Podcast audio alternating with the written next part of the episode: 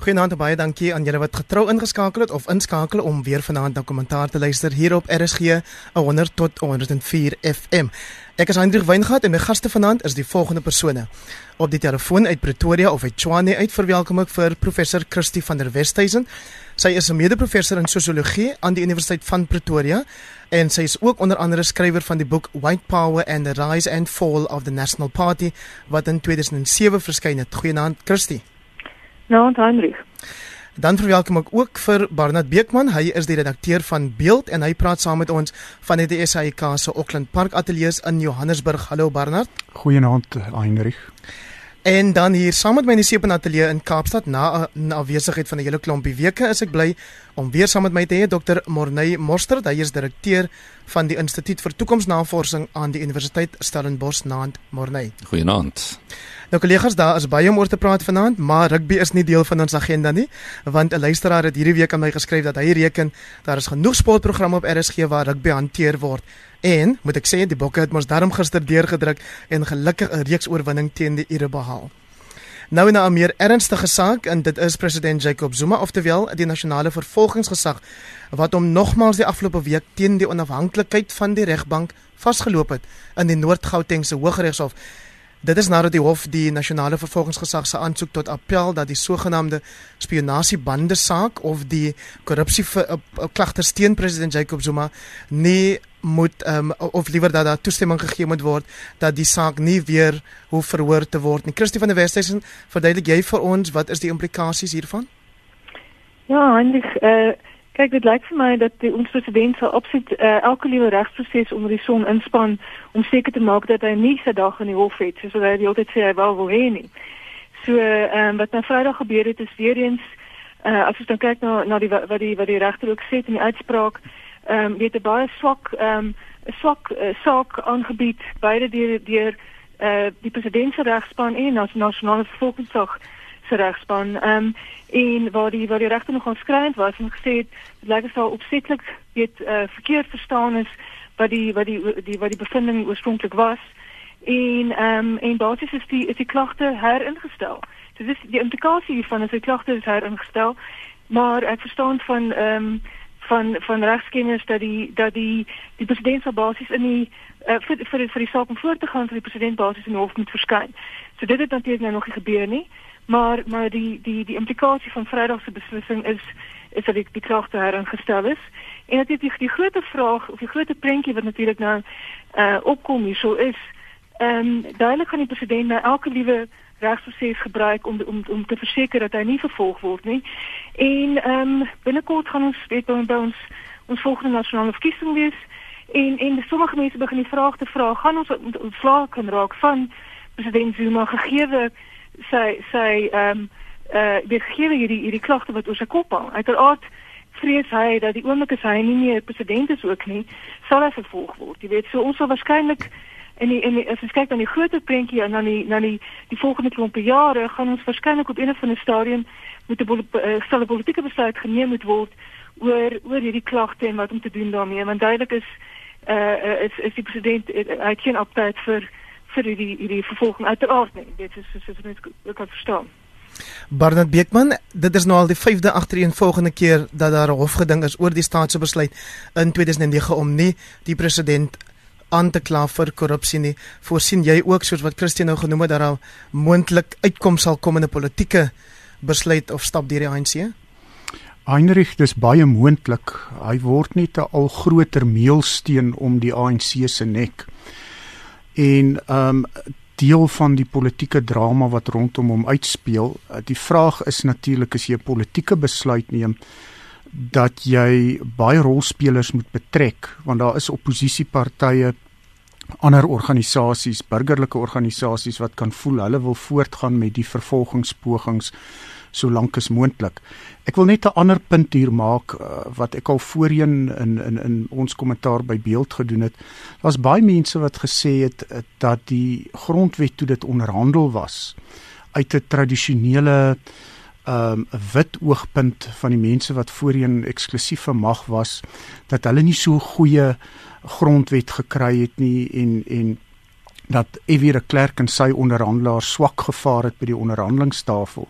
Wat baie interessant is, dit is eintlik uit 'n onafhanklike hoek nie relevant nie, maar tog vir die punt is dat die howe wat die beslissings die afgelope tyd teen president Zuma geneem het, uit 'n meerderheid swart mense bestaan wat onafhanklike integriteit getoon het en wat aangedui het maar hulle glo en staan by dit wat in die grondwet staan en bereid is om uitsprake te lewer teen enige poging deur wie ook al wat hulle voel teen die uh, letter en gees van die grondwet gaan om om om dit te bekamp. So dit lyk tog asof hier 'n veerkragtigheid in die grondwet is wat nie lig gekyk moet word nie. Morne Mostert en ek sien dat uh, jy weet die die kenners sê omdat Mokotedi spe wat destyds besluit het dat die klagte teen die president die voortgaan nie die is deur die hof as 'n irrasionele besluit afgeskei. Ehm um, en nou lyk dit my dat jy weet as daar nie met 'n rasionele besluit voor 'n dag gekom kan word nie dan mag die president dalk sy weg vind na 'n hof toe. Ek, ek dink dis byna onverwendbaar, maar ek dink die die goeie nuus vir Suid-Afrika is dat ons hier uh, rasionaliteit beklemtoon. Met ander woorde rasionele denke C4 op die ouend. En dit is eintlik 'n uh, baie inspirerende ding om waar te neem. Die ander ding wat ek dink is geweldig belangrik in 'n politieke klimaat soos in Suid-Afrika is die idee van politieke stamina. President Zuma het 'n ongelooflike stamina gedemonstreer om homself te verdedig en dit is natuurlik heeltemal binne sy regte. Waar die Suid-Afrikaanse politieke bestel, die ander die oppositiepartye, die onafhanklike instellings ehm um, eintlik iets van kan leer. Meneer Zuma het ongelooflike stamina gedemonstreer en ek dink die ander organisasies kan daarbey baat vind om dieselfde stamina te toon. Christie van der Westhuizen stamina en sekerlik ook om te verseker dat jy die mag sentreer rondom jou. Dat dat jy die mag sentreer? Ja nee, ek sê um, Morney sê die president um beeld hier die vermoë uit, jy weet, om dat hy baie stamina het om te oorleef in die politiek, maar ek sê daarmee saam is dit ook seker so dat hy seker gemaak het dat hy die regte mense rondom hom bymekaar bring om sy mag dus te verstewig. Wel, ehm um weet ek ek dink dat ons sit met 'n met 'n ANC wat wat ongelooflik uh, verswak is en wat ongelooflik verdeeld is en ehm um, en ek dink Zuma is presies die die die die simptoom wat vir mense wys hoe hoe verswak en verdeeld die party is. Want die feit dat hulle na alles wat hierdie jaar ook ehm um, weet gebeur het en en die die die die die herhaalde ehm um, eh uh, basies ehm um, uh, weet hy sê aan aanhoudende verleentheid of hy behoort aan die die party behoort om te beskou as 'n aanhoudende verleentheid.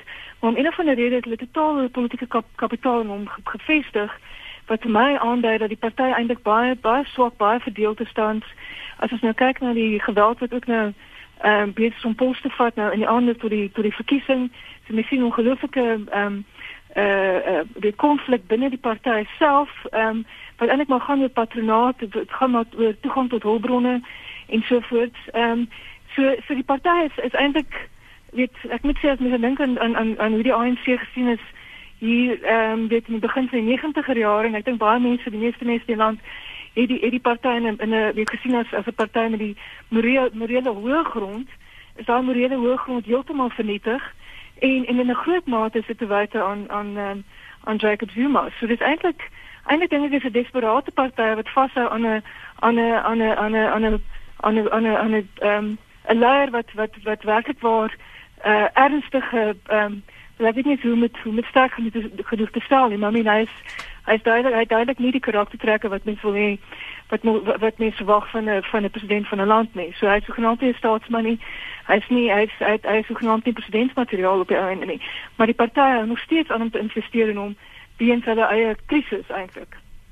Barnard Beekman ek het iewers op die internet gelees dat die president blykbaar weer um, in die afgelope paar dae sy gewilde lied om Shiniwam gesing het. Wat dink jy is die ergste daaraan dat die president polities oorleef tot aan die einde van sy termyn in 2019 pres, uh, termyn as president van die land natuurlik? Wel Hendrik, ek dink dit gaan daaroor meer uh, dat hy 'n swak president is. Dit gaan oor dat hy werklik 'n kabal van selfverryking rondom hom vergader het. En die belofte van die ANC was dat hulle geveg het vir die vryheid van mense wat nie vryhede het nie en dan sal voortgaan om die nasionale demokratiese revolusie van hulle uit te rol en en mense wat agtergeblewe was se regte te vestig en uit te bou en gelyk te bring. En daardie belofte is by die agterdeur uitgegooi en dis duidelike magsgroep waarop gerig is om kontrakte uit te deel familielede um te verryk en en die kiesers se deur dit begin sien. So daarom gaan dit vir die ANC al moeiliker word om daardie gewig saam te dra. Die moeilike deel is dat hy in die binnemasjinerie van die ANC nog baie steun het want as jy president is kan jy poste uitdeel en mense wat vrees hulle verloor hulle poste is daar verandering kom dink twee keer voor hulle 'n verandering ondersteun. Maar dit gaan die een of ander tyd kom ons moet nou sien hoe dit uitspeel. En dit onderstreep natuurlik die belangrikheid van wagondorganisasies soos die openbare beskermer.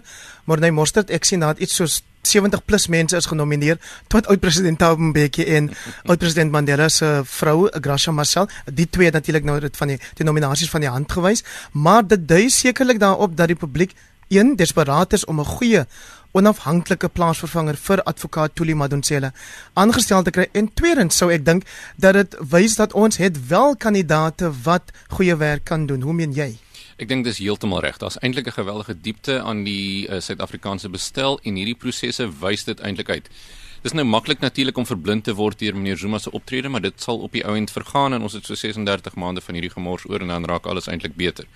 So die werklikheid is dat dat uh, Suid-Afrika is besig om deur 'n volwasse wordingsproses te gaan en hy is besig om van sy ware klere op die oomblik te wys. Ons het hierdie week fantastiese uitsprake in die hof gesien volgens baie mense en ek dink die feit dat ons hierdie diepte het in kandidate vir die vir die uh, die opvolger van hierdie belangrike rol is 'n goeie teken. Natuurlik, wie dit uiteindelik sal wees sal al die verskil maak. 20 of liewer 12 minute oor 8 is dit nou hier op RSG my paneel vanaand hier op kommentaar bestaan uit beeldse redakteur Barnard Beekman professor Christie van der Westhuizen sy's 'n sosioloog aan die Universiteit Pretoria en Dr Morne Mosters hy's hoof van die Instituut vir Toekomsnavorsing aan die Universiteit Stellenbosch. Nou na 'n ander kwessie waar leierskap ter sprake is Barnard Beekman Geweld en brandstigtinge die afgelope week gebiede in Tshwane daar waar Christiaan bevind lam gelê na die ANC aangekondig het dat Toko Dediza, sy is 'n voormalige minister en tans 'n voorsittende beampte by die parlement, dat sy die party se burgemeesterskandidaat vir die 3 Augustus plaaslike verkiesing is. Wat gaan daaraan? Heinrich, ek dink voor mens na die plaaslike detail kyk, moet dit beoordeel word teen die makro wêreldsituasie, uh die stand van die ekonomie, um skaars bronne, groter mededinging om daardie skaars bronne. Paul Matsitile, die ANC leier in Gauteng het verwys na the politics of the stomach. En en dit hang oor alles en dit gebeur ook in ander stede in die wêreld. En die die die die rede of die lont wat dit aan die brandsteek verskil net. Maar hier baie duidelik demonstreer dit weer die ANC se party in baie ernstige moeilikheid. Dit het gegaan oor uh, interne faksies wat teen mekaar meeding om die burgemeesterskap. Ehm um, die ANC het duidelik nie meer die aptyd gehad vir die uh, vir die sittende burgemeester nie. Hy was ook nie so doeltreffend geweest nie alhoewel hy gewild is in dele van die stad. En en uh, ek dink Toko de Disa, ek is nie so seker of soos die Engelse sê this kite is going to fly vir die ANC nie. Uh die meningspeilings het reeds gewys um dat daar nie 'n volstrekte meerderheid kan wees nie. Nou die ANC eindig natuurlik altyd baie sterk in 'n verkiesing en dit is nog 'n paar weke. Maar ek dink nou wat hier gebeur het, het het hulle ernstige probleme daar. En weer eens gaan dit nie oor die ideale waarvoor die party 'n uh, baie harde bevrydingsstryd geveg het nie. En ehm um, daar was 'n 'n waterskeidingsartikel hierdie week dink ek in die nasionale diskurs. The Citizen voer op die oomblik reeds onderhoude met Tuli Madonsela die openbare beskermer. Ek het een laat vertaal vir beeld waarin sy 'n standpunt inneem wat sy sê sonder vrees vir teenspraak. Sê sy uh, dat die probleme wat ons tans ondervind met uh, um op die grond is nie toe te skryf aan apartheid nie, maar het te doen met 'n gebrek aan dienslewering. Sy het sover by dit gegaan om te sê Suid-Afrika moet oppas om nie 'n nazi-staat te word nie, want 'n nazi-Duitsland is vir die Duitsers gesê dit is die Jode se skuld dat dit met hulle sleg gaan. En tans word hier te veel vir swart mense gesê dis die wit mense se skuld dat dit met hulle sleg gaan. En ek dink wat in Tswane ook gebeur um die algemene kiesers en veral die mense wat swaar kry en na 20 jaar steeds swaar kry begin daardie standpunt insien en besef dat dit die mislukking van die afgelope 20 jaar nou ook 'n kwessie is bo-op die ongelykhede wat daar reeds is weens apartheid. Christie van der Westhuizen skrywer van die boek White Power and the Rise and Fall of the National Party. Koop jy ook in op daai argument? Uh kyk, ehm um, ek dink dat die dat die 20 die laaste ehm um, 20 jaar se se die regering deur die ANC moet gesien word in die lig van die van die ehm um, die soort kompromie wat die party gemaak het um, in die in die begin 90er jare wat gaan dit rondom ekonomiese beleid wat op die ouene hulle hande ehm um, weet vasgemaak het in terme van van herverdeling. So um, weet daar was twee modelle op die tafel gewees in die begin 90er jare. Die een was groei deur herverdeling en die ander een was herverdeling deur groei.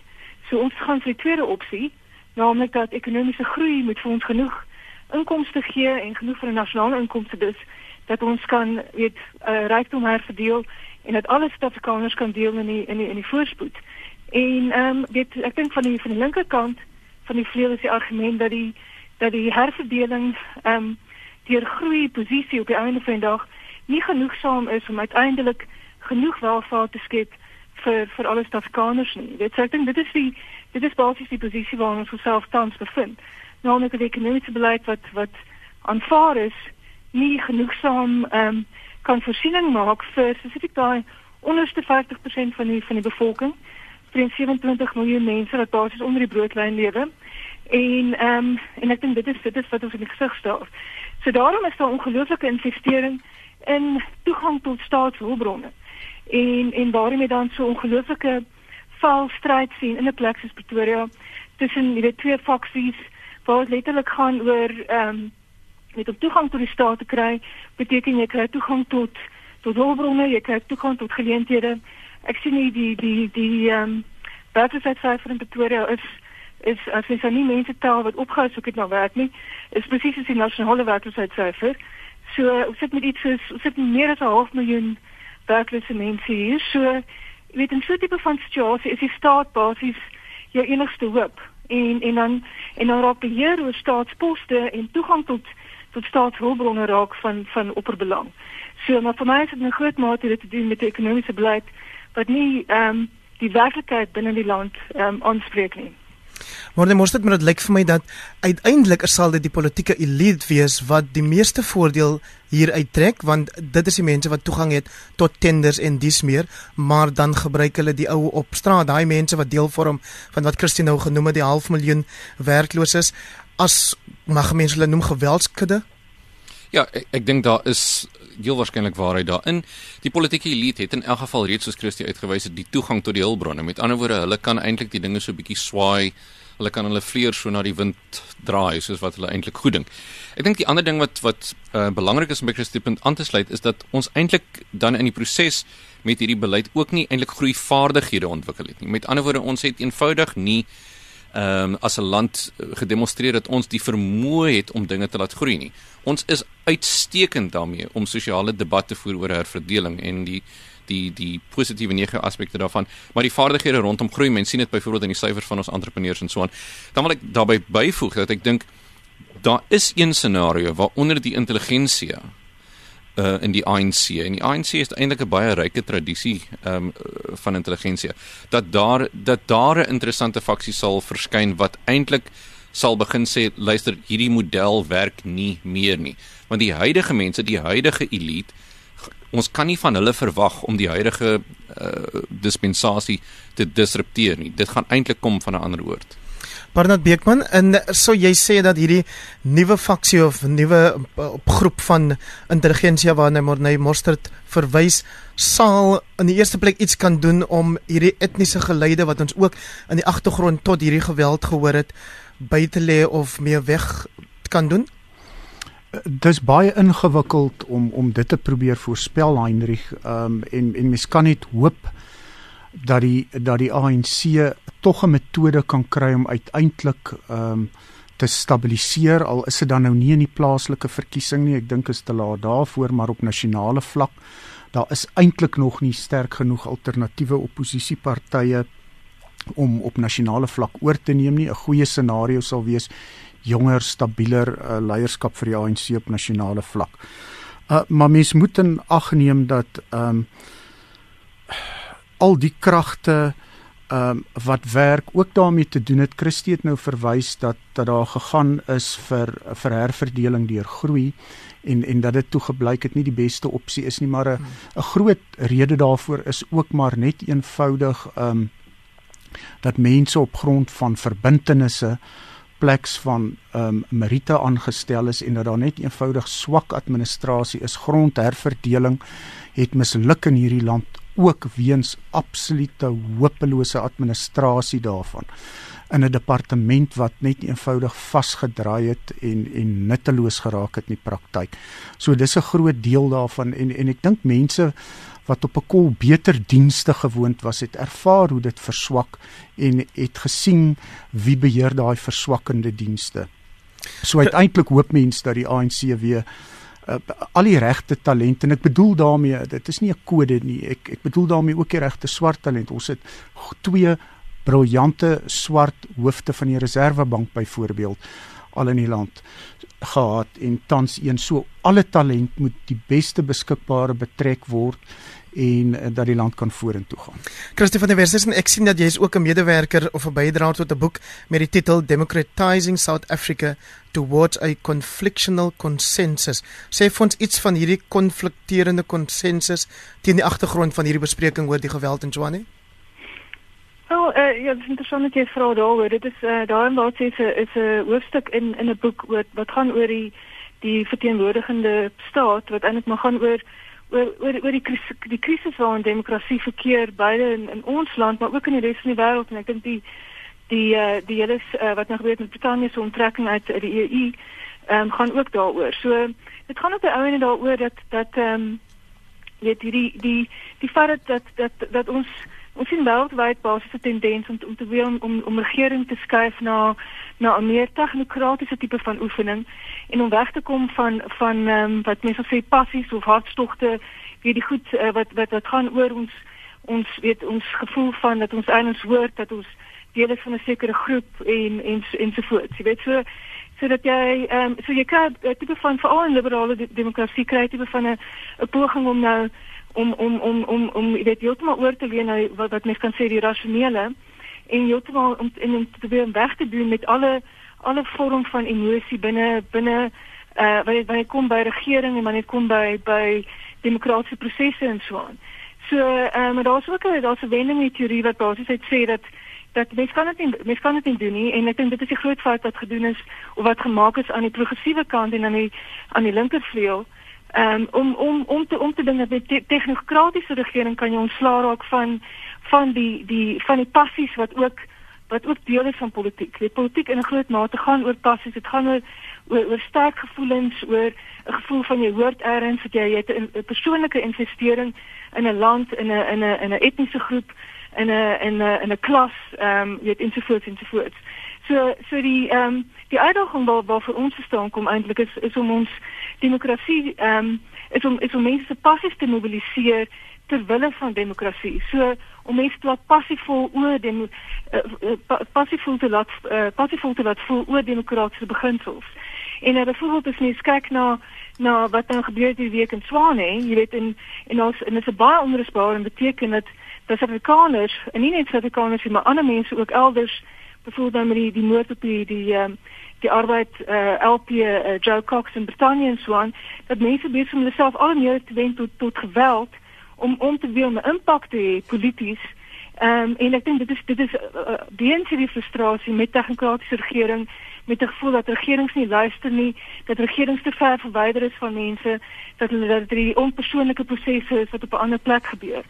So in in in in weet in ons eie land ook, jy weet ons ons vir hierdie passies wat baie wat duidelik baie sterk vloei ehm um, wil mens wil mens kanaliseer ter wille van die uitbouing van ons demokrasie eerder ehm um, as as hoe dit tans gebeur waar by dan geweld op die einde van die dag is ongelooflik destruktief en dit kan selfs afbreekend inwerk op demokrasie. Dit is die stem van die sosioloog Christie van der Westhuizen van die Universiteit van Pretoria wat vanaand saam met uh, Morne Mostert, hy is die uh, toekomskundige en die redakteur van Beeld Baronat Beekman my gaste is op kommentaar nou van die toekoms gepraat en daai passie en emosie waarna Christie nou verwys het Morne Mostert. Die Britte het toe die afgelope week in 'n referendum verras deur te stem om te skei van hul verlede, naamlik dat hulle die Europese Unie na 43 jaar gaan verlaat. Waarom is hierdie sogenaamde Brexit relevant of belangrik vir luisteraars van hierdie program? Ek dink dit was 'n fascinerende verskynsel. Die eerste dink ek uiters belangrike uh dimensie daarvan is dat demokrasie op die ount hier geseëvier het en ek dink dit het baie mense verras. Nou dit is 'n snaakse konsep. Dit mense sê demokrasie kan seëvier, maar dit baie mense verras. Met ander woorde, die mense moenie eintlik verras wees nie, want meeste mense het tog daarvoor gestem. Ek dink die mense wat verras is, was die analiste, die mense in die media en daar het eintlik 'n baie interessante insig gekom dat mense wat kommentaar lewer op die ding eintlik reeds 'n soort van 'n uh, dogma oor die besluit gehad het vooraf. Nou nou ja, die die ander vraag is dan wat beteken dit uh, vir Suid-Afrika? Wel, uh, die Verenigde Koninkryk is 'n geweldige groot handelsvernoot van Suid-Afrika onder die top 5, so wat net net oor die 6 miljard dollar per jaar. So Suid-Afrika sal moet baie mooi dink en strategies uh, georiënteerd wees om te dink oor hoe die nuwe handels uh, ooreenkomste wat die Verenigde Koninkryk onafwendbaar gaan skep in die volgende 2 jaar wat daai impak op Suid-Afrika het dan het Suid-Afrika ook as een van sy ander ander groot handelsvennote Duitsland wat natuurlik 'n leier in die Europese Unie is en 'n mens kan nie verwag dat hulle enige voorsienbare toekoms sal skuif van daai Unie nie. Met ander woorde, die kompleksiteit van Suid-Afrika se handelsvennootskappe verhoog eintlik. Dit beteken dat Suid-Afrika 'n vennootskap beskep met mense binne en buite daai Unie. Nou dit is wel reeds die geval. Maar die feit dat daar nou hierdie onsekerheid is met Verenigde Koninkryk beteken dat ons nou baie meer strategies uh, hiermee te werk moet gaan. Die vraag is wat gebeur met die uh, met die groei in die ekonomie en nie om uh, te veel sake terme dit te verduidelik nie, maar eintlik is 'n groot implikasie hiervan dat dit onsekerheid skep in die Britse ekonomie. Moody's het al reeds aangedui dat hulle dink daar's 'n negatiewe vooruitsig vir die groei in die uh, in die ekonomie van daai land. Die ander interessante implikasie is uh, wat dit beteken uh, vir formasies uh, nader aan ons soos die Afrika Unie. Suid-Afrika onder Thabo Mbeki was 'n groot voorstander van die Afrika Unie en nou sien ons hierdie hierdie exit ehm um, en dit dink ek gaan interessante implikasies hê vir die idee van Afrika state wat saamwerk. Barnard Beekman, jy is ook 'n voormalige politieke en parlementêre uh, verslaggewer of dan beriggewer vanuit 'n politieke hoek. Hoe kyk jy na hierdie verwikkeling? Ek dink baie daarvan is te kry in die in die ontleding wat Christine nou nou gegee het oor mense wat toenemend vervreemd is uh, van politieke instellings, regeringsprosesse. Elke regering wat inkom, lyk vir hulle al hoe meer dieselfde en kan al hoe minder aan hulle omstandighede doen. Ek is nie so seker dat die mense wat vir Brexit gestem het, almal bewus wees van al die bewus was van al die nuances en gevolge nie maar dit eerder 'n uitdrukking van frustrasie was. Ek dink as maar ook huishoudelike politiek wat afgespeel het. Boris Johnson wat sy oë op Downing Street het en ehm um, sy skuif gemaak het. Eh, Cameron het iemand anders, sy finansies minister gesteun as opvolger. En as Boris Johnson nou in Downing Street kan kom, dan kry hy sommer Pasella 'n termyn waarvan die grootste deel al oor is, dan kan hy hoef hy nie met die uh, probleme van 'n verkiesing om vir die eerste keer uh, beskikbaar te stel nie. So uh, baie baie sulke tipe faktore. Ek dink van die politieke gevolge gaan wees dat die Britte se aandag toenemend op hulle eie huishoudelike dinamika gaan fokus eerder as om 'n betrokkenheids- of stabiliserende rol in die res van die wêreld te speel. Die Skotte het nou dadelik aangedui hulle soek weer 'n referendum vir onafhanklikheid. Hulle wil in die Europese Unie bly. Die Arbeidersparty daar is in die middel verdeel deur hierdie ding. Dit kan Jeremy Corbyn, um, hulle leier se posisie ook in gedrang bring wie ook al die nuwe eerste minister word sal baie aandag moet skep om die Britse konservatiewe party weer te verenig. So en en dit is ook so dat ehm um, Morne het nou verwys na kommentators en ontleeders wat wat dalk die ding nie sien kom dit nie. Ek dink Cameron het dit ook nie sien kom nie en baie politici dit nie sien kom nie. So daarom gaan hulle energie baie meer op die tuisfront gerig wees en met die intriges wat daar gaan afspeel. Christie van der Westhuizen die een van die een van ons luisteraars het nou geskryf dat ons nou vanaand glad 'n uh, sosioloog moes inroep, maar ek wil hom net vir die luisteraars sê jy self was vir 'n aantal jare parlementêre verslaggewer en politieke verslaggewer. So vanuit 'n politieke oogpunt daarvan jou af, ehm um, Barnard het nou reeds verwys na Boris Johnson, die voormalige burgemeester van Londen, wat natuurlik sy oog op hierdie pos het. Hy is die een ou wat sekerlik nie verras was nie, maar baie opgewonde omdat dit vir hom Is dit 'n Donald Trump geleentheid wat hier opduik? Ja nee, um, ek moet sien baie vroeg my my meestersgraad in politieke ekonomie. So ek is ek is een van daai daai interdissiplinêre akademiese diere. So ehm um, maar ehm um, eh uh, betreffende eh uh, weet ek ja, ek dink dat ehm um, as jy kyk na die dan die na die figure wat die wat die ehm um, wat die ehm um, exit stem basis gedryf het jy weet dan sien mense natuurlik nou die die kenmerke van hierdie populisme, regse populisme wat basies uh oral in die wêreld werklik 'n groot probleem word en wat wat duidelik ook in die in die in die uh, Amerikaanse ehm um, verkiesingsveld uh, tog uh dit 'n uh, ernstige kwessie is weet om weet met Donald Trump en so. En ek dink weet vir my in 'n groot mate die feit dat ons dat is die opkoms van regse populisme ehm um, sien met het te doen met die feit dat daar is is weer eens waar, waarvan ek vroeër gepraat het daar vervreemding wat teweeggebring is deur die tegnokratiese manier van van regeer. So en en die die probleem met weet met die tegnokratiese manier van van regeer is ook dat dit 'n tipe van 'n depolitiserende effek het. So mense het nie hulle dit is dis dis vir gewone burgers baie moeilik om dan vas te stel waar lê die politieke probleem. En ehm um, weet iemand het gesê hierdie hierdie hele ehm um, die veldtog ehm um, weet voor die voor die referendum was werklik waar 'n feitelose veldtog in Brittanje gewees. In die sin van dat daar ehm um, dat die dat die mense wat die wat die wat die Brexit veldtog gedryf het, het werklik nie dat feite in die pad staan van van hierdie besluit nie. Jy weet en en uh, en kennis is spesifiek ook afgemaak as as irrelevant en dat hulle nie reg weet nie en so en so aan. Jy weet so daar's 'n so dra dan vir, vir gewone burgers baie moeilik om vas te waar lê die probleem. En dis dan wanneer jy politieke opportuniste kry wat dan ook na vore kan tree en dan vreemdelinge kan kan kan uh, blameer vir vir die probleme van mense. Jy weet so ja. so in plaas van om net in te sien dat die konservatiewe party se ekonomiese beleid na die finansiële krisis van 2008 eintlik die rede is vir die gebrek aan bekostigbare behuising en gesondheidsorg en ensovoorts ensovoorts. Ehm um, is 'n groot 'n groot groep Britte genoeg van hulle om om nou om die referendum ehm um, weet te, te laat swaai in die rigting van Brexit. 'n Groot groep Britte basies voel dat hulle hulle, hulle blameer immigrante vir vir vir wat aan die gang is ja. in in in hulle, in hulle land. So en so jy kry baie baie dieselfde diskurs as wat jy kry van 'n Trump in in ehm um, in die FSA en ek dink mm. ek dink ons gaan ons gaan terugkyk nou na Vrydag as een as 'n deurslaggewende oomblik in die in die in die geskiedenis. En ek uh, weet dit lê dit lê jou moontlike baie gevaarlike tyd in.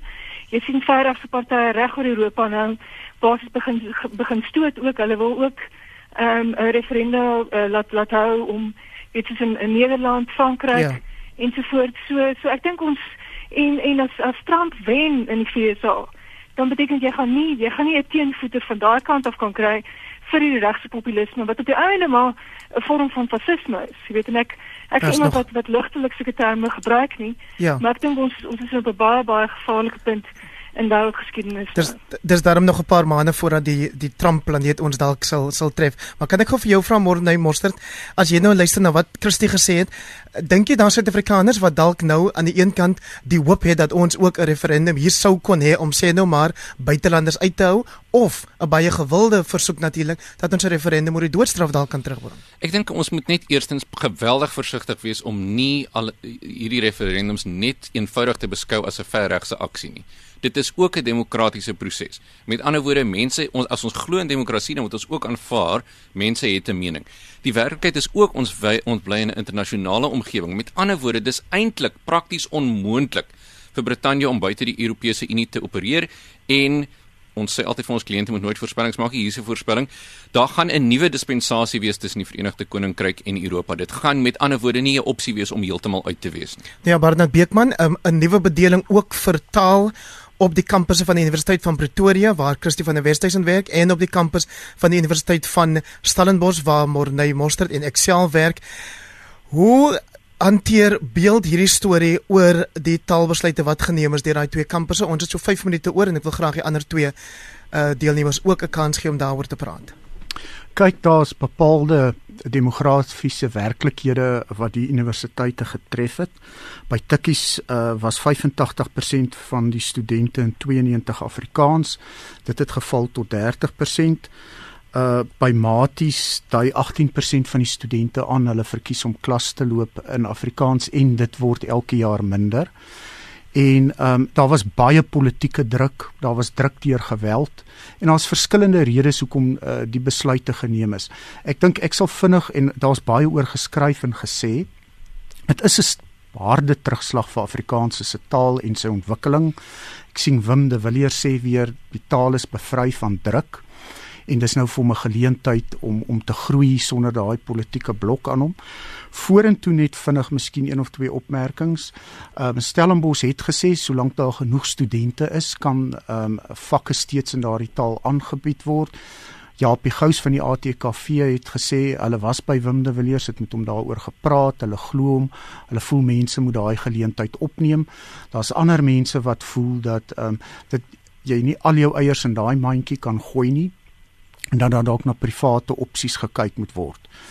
Uh by beeld het ons onder meer gesê dat miskien moet mense nie dink oor die bevordering en die uitlewing van Afrikaans um en dit nie afhanklik maak van van allerlei instellings nie.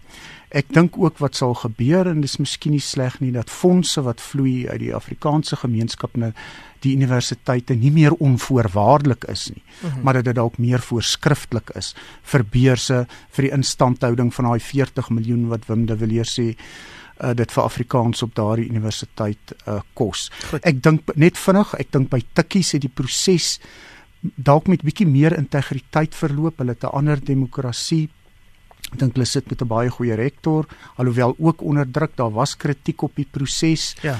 Uh, maar sy het haar bes probeer om by daai werklikhede aan te pas. Goed, Christie van der Westhuizen en uh, terwyl sy dit probeer doen, dit professor Cheryl de la Rey het sy gesê uh, daar's daarom nog die moontlikheid dat teologie en onderwys in Afrikaans aangebied kan word. Uh, ja, waar waar waar dit uh, spesifiek uh, van belang is, weet vir mense wat byvoorbeeld nou weet iemand wat preek in Afrikaans so en uiteraard vir daai persone dan nog steeds in in Afrikaans kan klaar sê. Ek ek dink ek moet net gou sê dat die dat weet ek is ek is gekant ehm um, teen Engels as alleen lokitaal omdat ek ek voel dat ehm um, dat die demokratiese deelname benadeel en ehm um, en dat politieke elites spesifiek um, dan dan toegelaat word om weg te kom met moord. Maar ek dink ons ongelukkig ons ons kanse nogal verspeel met Afrikaans omdat ons nie 'n behoorlike meertalige ehm um, beweging op die been gebring het met mense van van verskillende tale, verskillende rasse wat wat saam veg vir al die tale van Suid-Afrika. En dit is ek weet ek dink aan debatte wat nou teruggaan na die laat 90s, die vroeë 2000s en so aan. Ja. Jy weet en dis 'n soort inklusiwiteit wat iemand soos Adam Small wat ons nou ongelukkig verloor het. Ehm um, uh, hierdie naweek. Ehm um, iemand soos Adam Small het het, het, het daar is dit inklusiwiteit verteenwoordig en en Afrikaans kon Afrikaans kan daai so taal wees wat mense saambind oor rassegrense heen en so aan en dan ook weet uitreik na mense van van ander tale, ander rasse en so aan maar, maar ons ons on, ongelukkig het ons nog geen aangeslag om so iets op die been te bring en daar's geen teken dat so iets uh, op die been gebring kan word. Kom ons vra vriend dis net maar ja, dit is dan is is dit net maar polities hoe dit dan verloop. Kom ons vra vir die toekomskundige of hy dink Afrikaanse verlede het hom ingehaal. Stellenbosch is 'n plek van uitnemendheid in onderrig en leer en in navorsing en in sosiale impak en die toekoms van Afrikaans by Stellenbosch gaan ook afhang van mense wat daai uitnemendheid demonstreer in Afrikaans. Ja, Christie het verwys na professor Adam Small wat ons gister ontval het en ek haal nou graag aan uit sy vredesgebed vir 'n ander groot gees, professor Jake Gerwel. Dit is 'n gedig wat geskryf is enkele dae voordat prof Gerwel self skielik gesterf het in 2012. Dit lei ek moet binnekort gaan, maar bly dink aan my, bly dink aan my. Dit was kommentaar vir hierdie week. Laai gerus die pot gooi van die program af by rsg.co.za. Baie dankie aan my paneel professor Kirsty van der Westhuizen van Tukkies, Barnard Beekman wat die redakteur is van Beeld en Dr. Morney Mostert wat die direkteur is van die Instituut vir Toekomsnavorsing aan die Universiteit van Stellenbosch. Ek is Hendrik Weingart en ek waardeer dit dat jy ingeskakel het. Goed gaan tot volgende keer.